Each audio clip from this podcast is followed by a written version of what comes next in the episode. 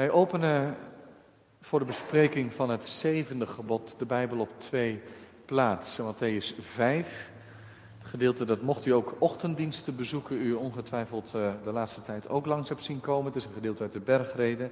En in de ochtenddiensten staan we bij de bergreden stil, maar we zullen het ook nu lezen. Het is de plek waar de Heer Jezus het zevende gebod uitlegt. Matthäus 5, vers 27 tot 32. En vervolgens lezen wij het onderwijs van de Heer Jezus over het huwelijk en over de echtscheiding in Marcus 10, de eerste twaalf versen. En dat is weer een erg parallel gedeelte met Matthäus 19, maar we lezen in deze dienst dus Marcus 10. Maar nu eerst Matthäus 5 vanaf vers 27, waar staat het woord van de Heer. U hebt gehoord dat tegen het voorgeslacht gezegd is, u zult geen overspel plegen. Maar ik zeg u dat al wie naar een vrouw kijkt om haar te begeren, in zijn hart al overspel met haar gepleegd heeft. Als dan uw rechteroog u doet struikelen, ruk het uit en werp het van u weg. Want het is beter voor u dat een van uw lichaamsdelen te gronden gaat en niet heel uw lichaam in de hel geworpen wordt. En als uw rechterhand u doet struikelen, hak hem af en werp hem van u weg.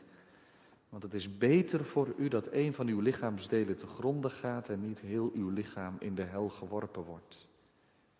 Er is ook gezegd, wie zijn vrouw verstoot, moet haar een echtscheidingsbrief geven.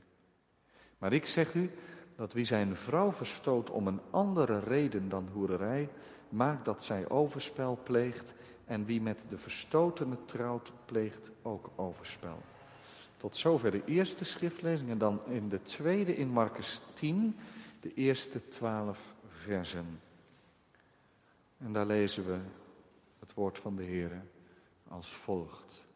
En toen hij, Jezus, opgestaan was, ging hij vandaar naar het gebied van Judea door het overjordaanse en de menigten kwamen opnieuw bij hem samen en zoals hij gewoon was, onderwees hij hen opnieuw.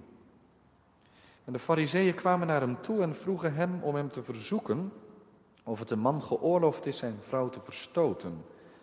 Maar hij antwoordde en zei tegen hen, wat heeft Mozes u geboden? En zij zeiden, Mozes heeft toegestaan een echtscheidingsbrief te schrijven en haar te verstoten. En Jezus antwoordde hun, vanwege de hardheid van uw hart heeft hij dat gebod voor u geschreven. Maar vanaf het begin van de schepping heeft God hen mannelijk en vrouwelijk gemaakt. Daarom zal een man zijn vader en zijn moeder verlaten en zich aan zijn vrouw hechten. En die twee zullen tot één vlees zijn, zodat zij niet meer twee zijn, maar één vlees. Dus wat God samengevoegd heeft, laat de mens dat niet scheiden. En thuis stelden zijn discipelen hem hierover opnieuw vragen. En hij zei tegen hen, wie zijn vrouw verstoten met een andere trouwt, pleegt overspel tegen haar. En als een vrouw haar man verstoot en met een ander trouwt, pleegt zij ook overspel. Tot zover bij de schriftlezingen voor deze dienst.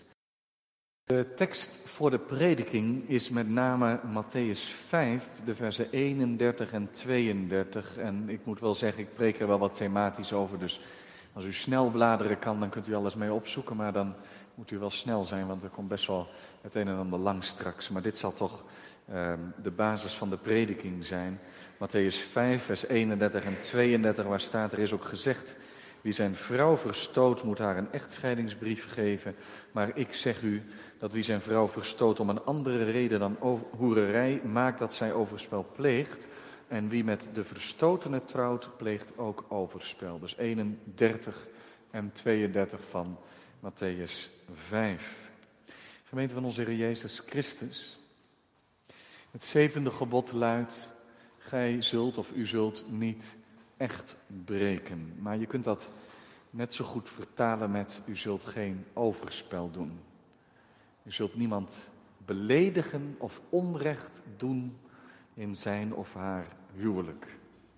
We horen in dit gebod twee lijnen.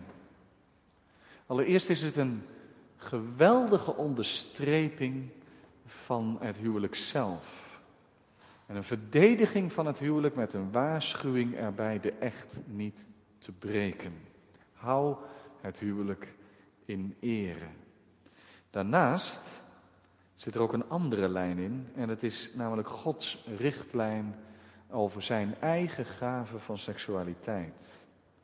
Want, zegt dit gebod, de meest effectieve manier om je huwelijk te breken is vreemd te gaan, is ontrouw te zijn, juist op seksueel gebied, overspel te plegen. En overspel is een groot kwaad. Waarom? Omdat seksualiteit een gave van onze God is, die Hij gegeven heeft om te genieten binnen de band van het huwelijk. Een levenslange band tussen man en vrouw die elkaar het jawoord voor het leven hebben gegeven. En nu wil ik in deze preek die eerste lijn aan de orde stellen en daarom het thema van deze preek wat omdopen naar hou het huwelijk in ere. En dan zullen we de volgende keer stilstaan bij seksualiteit als Gods gave voor het huwelijk. En zo dus twee preken over het zevende gebod. Hou het huwelijk in ere. We kunnen als, ook als christenen en als christelijke gemeente snel wennen aan de tijdgeest. De geest van de tijd, het denken van de wereld rondom ons heen. Natuurlijk zullen wij op veel momenten, op veel onderwerpen anders denken en leven in een diep besef dat we anders zijn dan de wereld om ons heen. En toch moeten we ons daar steeds weer goed van bewust zijn, want het denken van deze wereld, de tijdgeest, kan makkelijk binnenkomen in alles wat je kijkt, in wat je ziet, in wat je leeft, in de omgang met mensen die zo anders in dit leven staan. Maar soms kan het helpen om maar eens even 50 jaar terug te gaan in de tijd. Nou, dan ben je precies bij het jaar van de revolutie in 1968 seksuele revolutie met alle studentenopstanden. En de seksuele revolutie heeft natuurlijk langere tijd in beslag genomen dan dat ene jaar.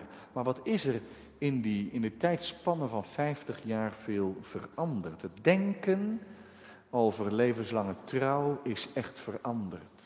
De definitie, namelijk wat is het huwelijk, is ook sterk veranderd. Ook binnen de kaders van de overheid. Het denken over echtscheiding is heel sterk veranderd. Echtscheiding was vroeger gaandeweg geoorloofd. De rechter sprak het uit als bewezen was dat er sprake was van overspel en ontrouw. Dat was een echtscheidingsgrond op basis waarvan de rechter het huwelijk kon ontbinden. Moest bewezen worden. De wetgeving was immers nog bepaald door het christelijke denken, door de kerstening van West-Europa. Maar het veranderde, de wetgeving veranderde, zoals de tijdgeest veranderde. Er kwam een nieuwe echtscheidingsgrond bij, namelijk duurzame ontwrichting van het huwelijk. En dat was direct ook een heel rekkelijk begrip, want wat was dat precies en wanneer was je huwelijk duurzaam ontwricht? Als je drie keer achter elkaar slaande ruzie had gehad, kon je zeggen het is duurzaam ontwricht, komt niet meer goed. En dan kon de een zeggen ik vind dat het duurzaam ontwricht was. En de ander zeggen nee, we moeten ervoor gaan. Maar degene die zei het is duurzaam ontwricht, kreeg, kreeg van de rechter altijd gelijk. En zo waren er dus allerlei redenen om het huwelijk te ontbinden. Er is sprake geweest van een enorme groei in aantallen van echtscheidingen. Momenteel staat de balans ongeveer stil tussen een derde tot een tweede, de helft van alle huwelijken die weer ontbonden worden. En er zijn natuurlijk allerlei redenen voor aan te, eh, te, wijzen. Eh, onder andere de financiële zelfstandigheid van vrouwen die enorm is toegenomen. De emancipatie daarbij. Laten we niet rooskleurig over alle huwelijken denken die niet ontbonden werden in het verleden, ook nog eens. Maar vooral was er een andere morele kijk op het huwelijk. Men dacht anders over God en zijn gebod. Trouwen voor de overheid, ik weet niet of het u opviel, is iets heel belangrijks. Maar als je de teksten hoort die daar uitgesproken worden, is het niet het huwelijk zoals de Bijbel ons die leert. Want je moet elkaar trouw zijn, volgens de wetgeving, en voor elkaar zorgen, en als er niet zwaarwegende andere redenen zijn, ook bij elkaar wonen, maar zolang het huwelijk duurt. Termen als totdat de dood ons scheidt, zul je bij de burgerlijke overheid niet tegenkomen. Als je samen het huwelijk in stand houdt, moet je leven volgens de wetten daaraan verbonden. En Tegenwoordig is het eerder zo dat als je samen tot de conclusie komt, liefst samen dan zeggen ze dan, dat het maar beter is om niet meer verder te gaan, dat je de dingen goed regelt, je stelt een goed convenant op. En soms hoor je zelfs dat exen als vrienden met elkaar omgaan. Waarom zou je vechten voor je huwelijk? Ja, voor de kinderen. Maar wie is vandaag de dag bereid om tot het uiterste te gaan? Om mensen recht te doen, ook in de wereld om ons heen, moeten we daar wel bij zeggen dat sommigen een lang huwelijk, liefst levenslang, nog steeds erg belangrijk vinden voor stabiliteit. Trouw is gelukkig niet helemaal weg. En zeker ook voor de kinderen als ze er zijn. Maar er is een wat kleinere groep, denk ik, maar die zich stevig laat horen, die vanuit het evolutionaire denken de mens neerzetten als een niet meer dan een verder ontwikkeld zoogdier zegt, monogamie, trouwen met één man of één vrouw en dat een leven lang volhouden, dat is niet van deze tijd. Het is eigenlijk ook onnatuurlijk voor de mens. Liever openheid naar allerlei vormen van relaties. Nu weet ik, en dat zullen we ook wel merken in deze preek, dat het houden van Gods geboden niet altijd gemakkelijk is. En het kan zelfs een enorm offer vragen, ook als het gaat om de huwelijkstrouw.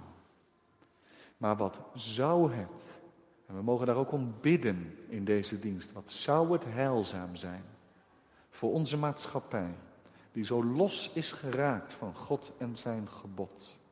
Wat zou het heilzaam zijn als dit gebod weer in ere hersteld werd. Wat zouden kinderen er dankbaar voor zijn als ouders tot het uiterste zouden gaan om het goed te houden en goed te maken.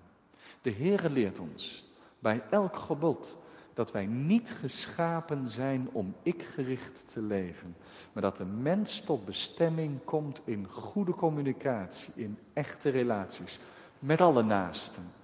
Maar mag die liefde tot de naaste, waarin wij niet zelf centraal staan, maar ook het goede voor de ander zoeken, mag die ook niet centraal staan, juist als het om die meest bijzondere relatie, het huwelijk gaat.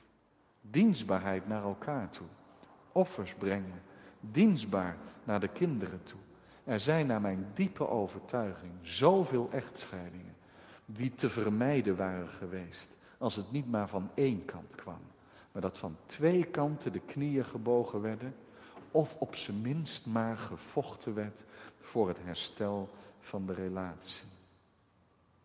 Licht denken over het huwelijk, en wij moeten ons daar bewust van zijn en als christelijke gemeente niet aarzelen om haaks te staan op de tijdgeest en om wezenlijk anders te denken. Maar licht denken over het huwelijk is niet alleen iets van de vijf, laatste vijftig jaar. We komen het diep in het Oude Testament al tegen.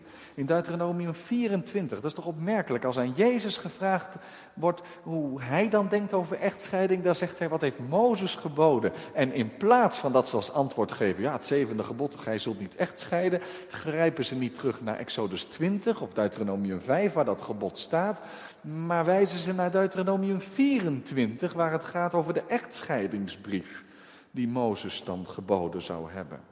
Wat was de situatie? Stel nou voor dat een man je als vrouw verstoten en je kreeg niet eens een officiële regeling mee, dan hield je leven op. Dan droeg je de smaad. Dan stond je bekend waarschijnlijk als een totaal verkeerde vrouw. En dan mocht je blij zijn als je ouders de schande mee wilden dragen om je de rest van je leven op te vangen. Maar voor de rest was je een outlaw. Je was vogelvrij verklaard. En daarom was er een regel die zegt als je je vrouw verstoot, regel het dan op zijn minst goed. Zodat ze een brief meekrijgt waarin staat dat ze van en dat ze echt niet meer aan de man verbonden is en dat haar leven niet ophoudt te bestaan. Het was dus een regeling om het kwaad nog enigszins in goede banen te leiden. Het doel was dus absoluut niet om echtscheiding te relativeren, om te zeggen, nou het mocht van Mozes ook. Je kunt rustig van elkaar af. Maar we merken dus wel duidelijk dat in de tijd van Mozes al er dergelijke regelingen getroffen moesten worden, omdat mensen soms om allerlei redenen de ander wegstuurden. In de tijd van de Heer Jezus was het niet veel anders. Er waren toen twee grote hoofdstromingen in het denken en in het onderwijs van fariseeën en schriftgeleerden. De namen van Hillel en Shammai waren eraan verbonden. De een zei, je mag je vrouw wegsturen, verstoten, maar dan in geval van seksuele onreinheid, overspel of hoererij of zedeloosheid.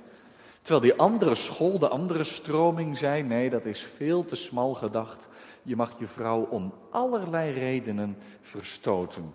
Uh, in de praktijk, wanneer dan bijvoorbeeld? Nou, als ze te vaak het eten aan laat branden enzovoort. Je vindt wel iets. En dat betekende dus dat er een hele brede echtscheidingspraktijk ontstond. Dat als je het niet zo goed met elkaar kon vinden, dat je dan altijd wel een stok vindt om te slaan. In die discussie willen de mensen Jezus trekken. Ze gaan naar Jezus toe en in Marcus 10 staat heel duidelijk dat ze een strikvraag voor hem hebben bedacht.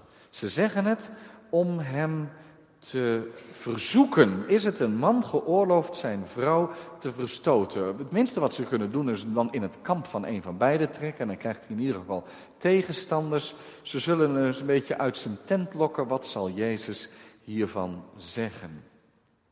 Hoe denkt u over echtscheiding? En dan zegt de Heer Jezus, wat heeft Mozes u geboden? Ik zei het net al, en dan zeggen ze, Mozes heeft toegestaan een echtscheidingsbrief te schrijven en haar te verstoten. En dat is dan ook de achtergrond van Matthäus 5, vers 31, waar staat, u heeft gehoord dat er gezegd is, je kunt altijd nog een echtscheidingsbrief geven. Maar, zegt Jezus dan, ik zet daar mijn onderwijs tegenover. Jezus zegt, het beroep op die echtscheidingsbrief klopt totaal niet, als je daarmee een echtscheiding wil rechtvaardigen. En Jezus zegt dan, Mozes heeft iets anders gezegd. Gij zult niet echt breken. En wat heeft God gezegd? Wat heeft God gedaan? Hoe is het nou in het begin geweest? Dus Jezus neemt de mensen terug van Deuteronomium 24 naar het gebod in Exodus 20 en zegt nee, dan moet je verder gaan. Dan moet je nog veel verder gaan naar de schepping van God. Hoe heeft God het bedoeld? In Genesis 1 zegt Jezus dan, staat dat God hem mannelijk en vrouwelijk heeft gemaakt. En dat staat direct achter die zin, laat ons mensen maken naar ons beeld en onze gelijkenis. Opmerkelijk dat direct daarna staat, en hij schiep hen mannelijk en vrouwelijk. Mannelijk en vrouwelijk schiep hij hen. En dat zie je terugkomen in Genesis 2, als Adam alleen is en, en God gaat scheiden. Hij haalt een rib uit Adam, boetseert er een vrouw van, wekt haar tot leven, brengt hen bij elkaar. En je ziet hoe daar, dat is niet alleszeggend, hè, dat zeg ik er direct bij. Het wil niet zeggen dat in de schepping gegeven is dat iedereen moet trouwen. Helemaal niet. Ook Jezus was ongetrouwd. Apostel Paulus, om maar iemand te noemen. Maar je ziet wel hoezeer de schepping van de mens als man en vrouw samengaat met het op elkaar aangewezen zijn. Hulpen die als tegenover is. Ze sluiten op elkaar aan, ze vullen elkaar aan. En dan zingt Adam zijn geweldige lofzang op zijn vrouw. En dan, eh, dan staat er: Zo zal een man zijn vader en moeder verlaten en zijn vrouw aankleven aan haar verbonden zijn, onlosmakelijk. En in dat kader zullen zij tot één vlees zijn. Dan hoort die seksuele intimiteit en die totale levensverbondenheid bij elkaar. De Heer Jezus verwees dus naar Genesis 1 en 2. En daarmee zegt hij, ik kreeg zelf een keer het verwijt toen ik daarover preekte, over die eerste tekst. Die zei, ja, dat is allemaal wel mooi, maar dat was natuurlijk voor de zondeval. Hè? Na de zondeval heb je daar natuurlijk niet zoveel meer aan. Maar dan moet je bedenken dat de Heer Jezus naar deze teksten verwijst. Midden in een situatie waarin echtscheidingsproblematiek zoveel aanwezig was. En waarin hij ook wel wist van communicatieproblemen en echtelijke ruzies achter de voordeur. Maar de Heer zegt, er is een schepper, mijn vader. Ja, ik zelf heb de wereld geschapen. En ik heb het huwelijk gegeven als een geweldige gave aan de mensen. Wat is het triest hoe onzorgvuldig vele mensen met deze gave van het huwelijk omgaan. En daarom zegt Jezus als conclusie. wat niet bij mensen samengevoegd hebben. Jullie, jullie hebben elkaar gekozen, nou blijf dan voor elkaar kiezen. Nee, de Heer zegt wat God samengevoegd heeft. Dat moet de mens niet meer uit elkaar halen. Wat God samengevoegd heeft, God gaf het huwelijk. Ik heb mij in voorbereiding op deze preek, hoewel ik eerder over huwelijk en huwelijkstrouw heb gepreekt, nog een keer afgevraagd. Waarom nou is huwelijkstrouw zo belangrijk? En het antwoord zou genoeg moeten zijn, omdat de Heer het zegt. Omdat de Heer het gebied in zijn geboden, heeft het huwelijk ook een plek gegeven in de tien geboden. Dat moet ons meer dan genoeg zijn om naar te luisteren. En toch kunnen we er meer over zeggen.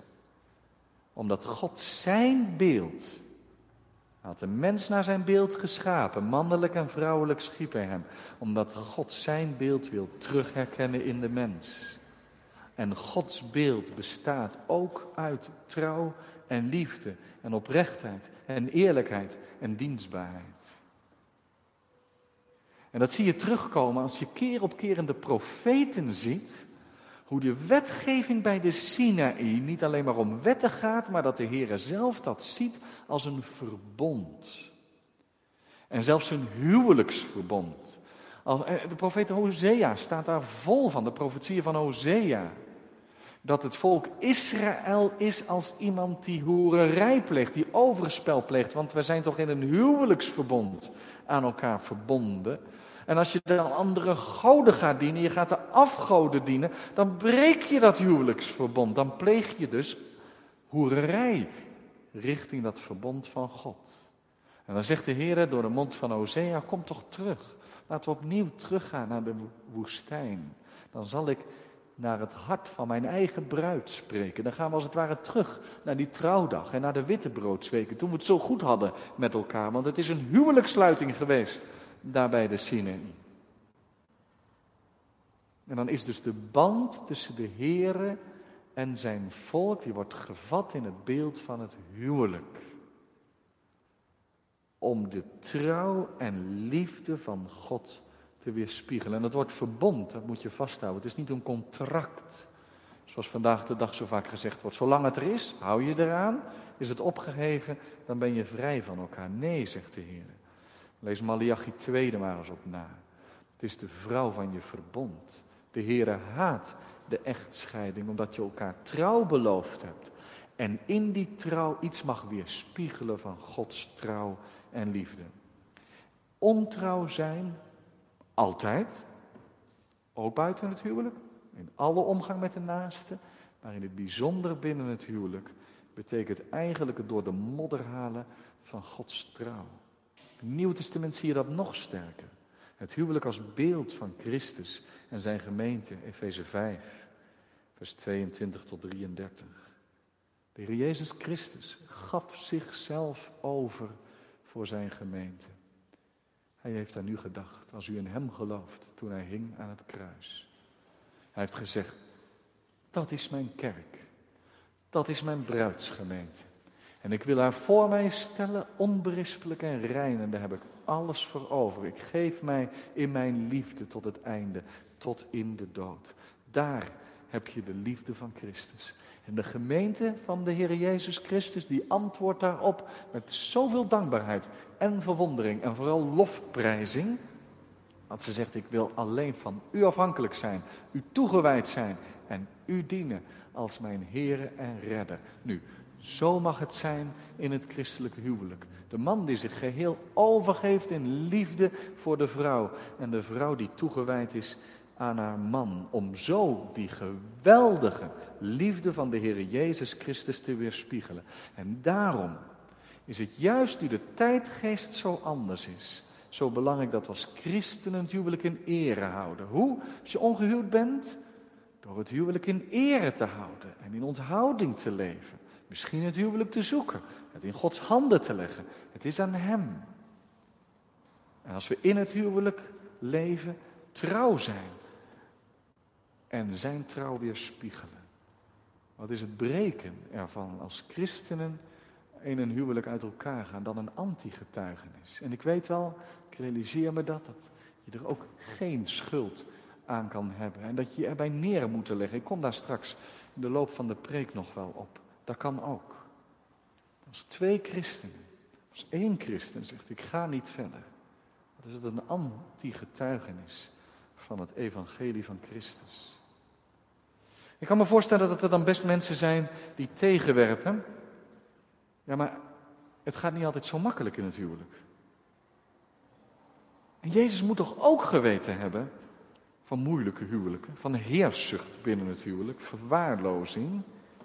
En toch zegt de Heer Jezus, en dan ben ik in Matthäus 5, vers 32, ik zeg u, dat wie zijn vrouw verstoot om een andere reden dan hoererij, dat is de enige uitzondering, overspel, hoererij, zedeloosheid. Als je je vrouw verstoot om een andere reden, dan zorg je ervoor dat zij overspel pleegt. En je doet het zelf natuurlijk ook. En wie met de verstotene trouwt, pleegt ook overspel. Is dat een moeilijke tekst? De Heer Jezus wijst één reden aan een reden die zo ingrijpend is dat het niet mogelijk is om verder te gaan in het huwelijk.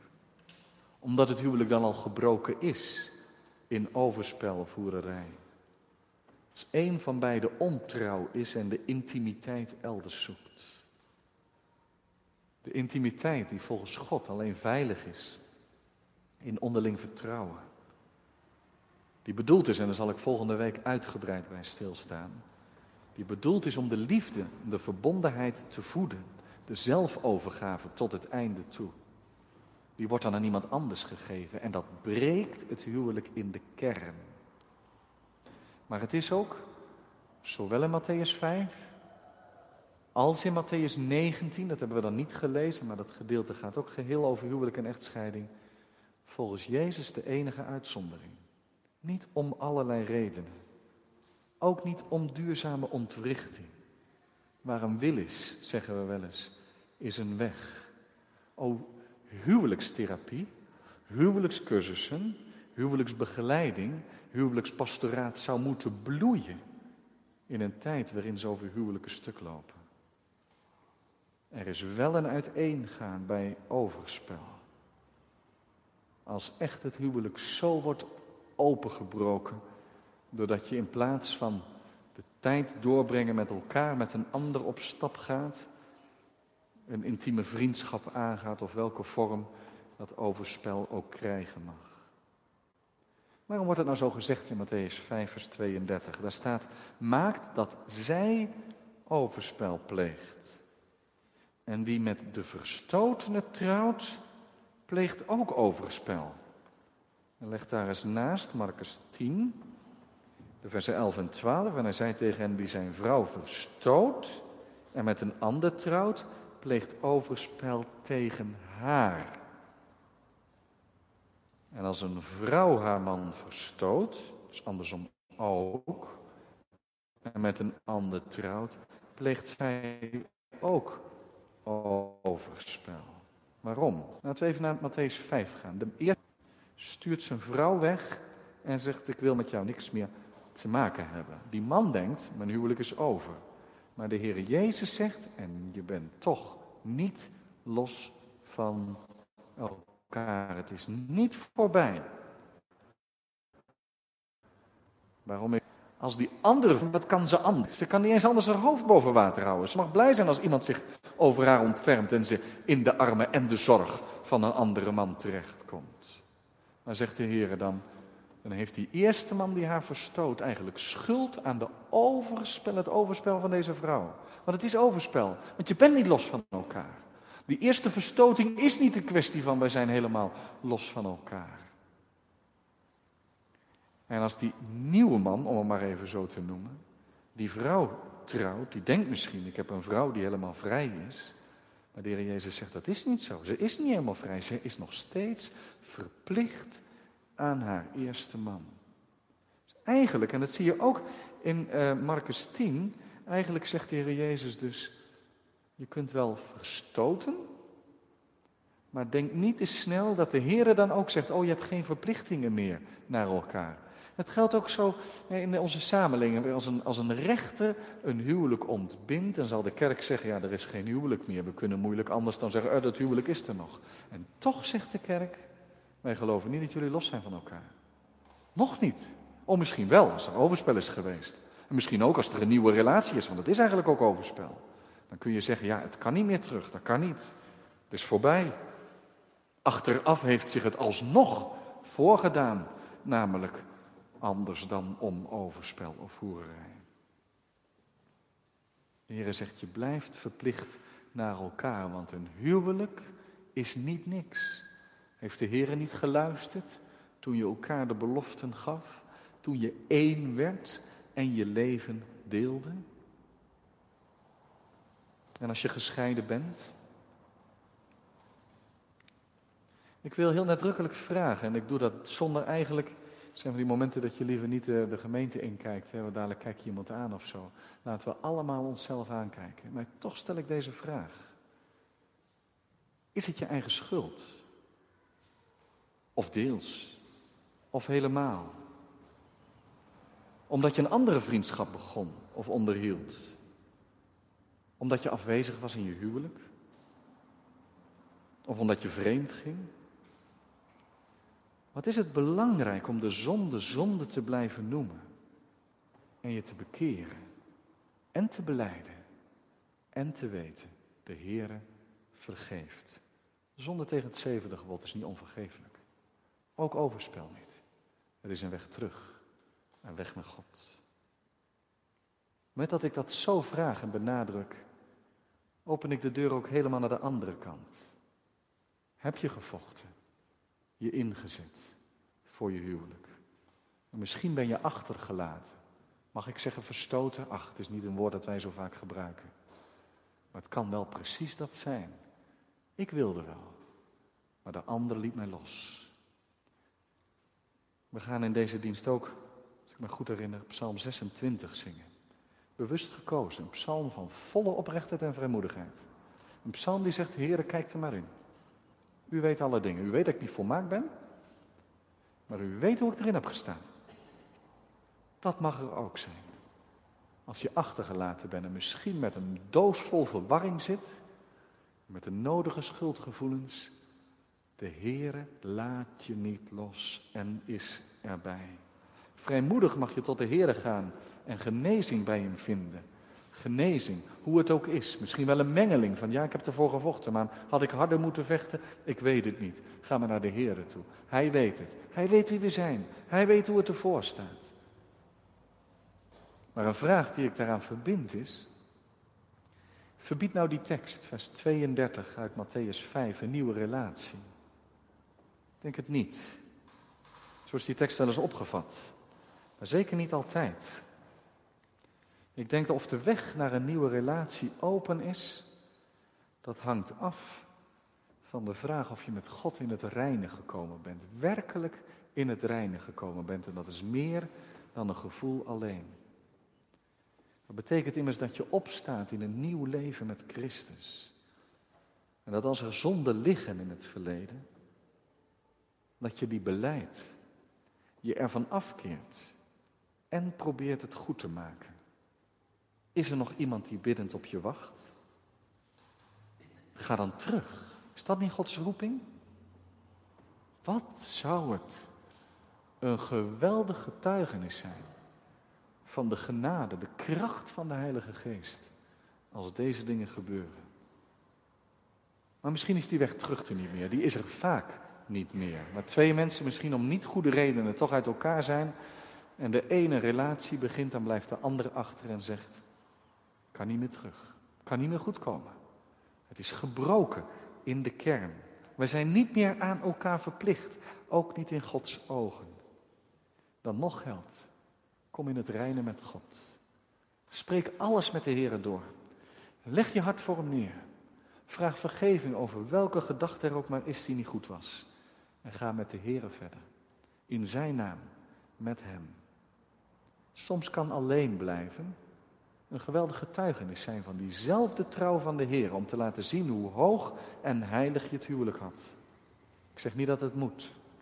Als je, als die weg geopend is, werkelijk geopend is, een nieuwe relatie mag ontvangen, dan in de Heer, met de Heer en met het gebed. Om die liefde en trouw van de Heer te weerspiegelen. Laten we het huwelijk in ere houden. Tegen de tijdgeest in. Als jongere hou je het huwelijk in ere. Door niet te experimenteren. Goed, volgende keer meer daarover. Te experimenteren met liefde. Maar al te beseffen bij je allereerste relaties, verkeringen, verliefdheidjes. Allereerst dan al te beseffen. Als God het geeft, mag ik eens trouwen. Laat ik me er goed op voorbereiden. Met een zuivere rein er naartoe leven. Om mij voor het eerst weg te geven aan degene aan wie ik mijn jawoord heb gegeven.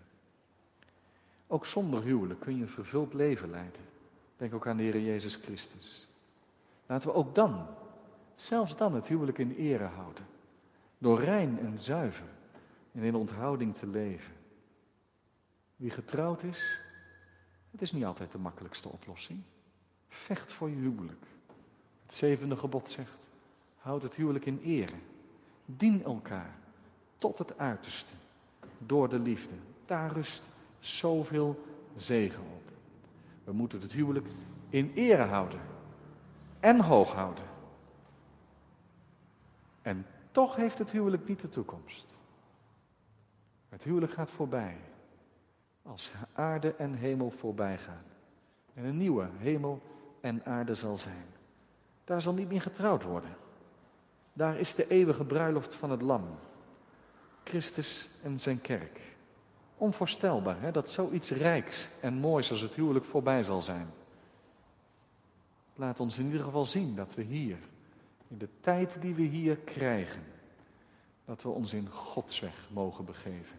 Al kost het huwelijk pijn en moeite en zelfverloochening. Of al kost het leven buiten het huwelijk veel zelfverloochening en strijd tegen de zonde. Er komt een bruiloft aan. Dat zeg ik maar niet om de pijn en moeite weg te vegen, maar er komt wel een tijd aan dat de Heer alle tranen van de ogen af zal wissen. Oh, wat een moment zal dat wezen. Als dat tranen mogen zijn van gehoorzaamheid aan Gods geboden. En van de navolging, ook de pijn en het kruis dragen om de navolging van de Heer Jezus Christus. God geven ons door de kracht van zijn Heilige Geest alle moed, alle volharding om rein, zuiver, eerbaar te leven en het huwelijk hoog te houden. Amen.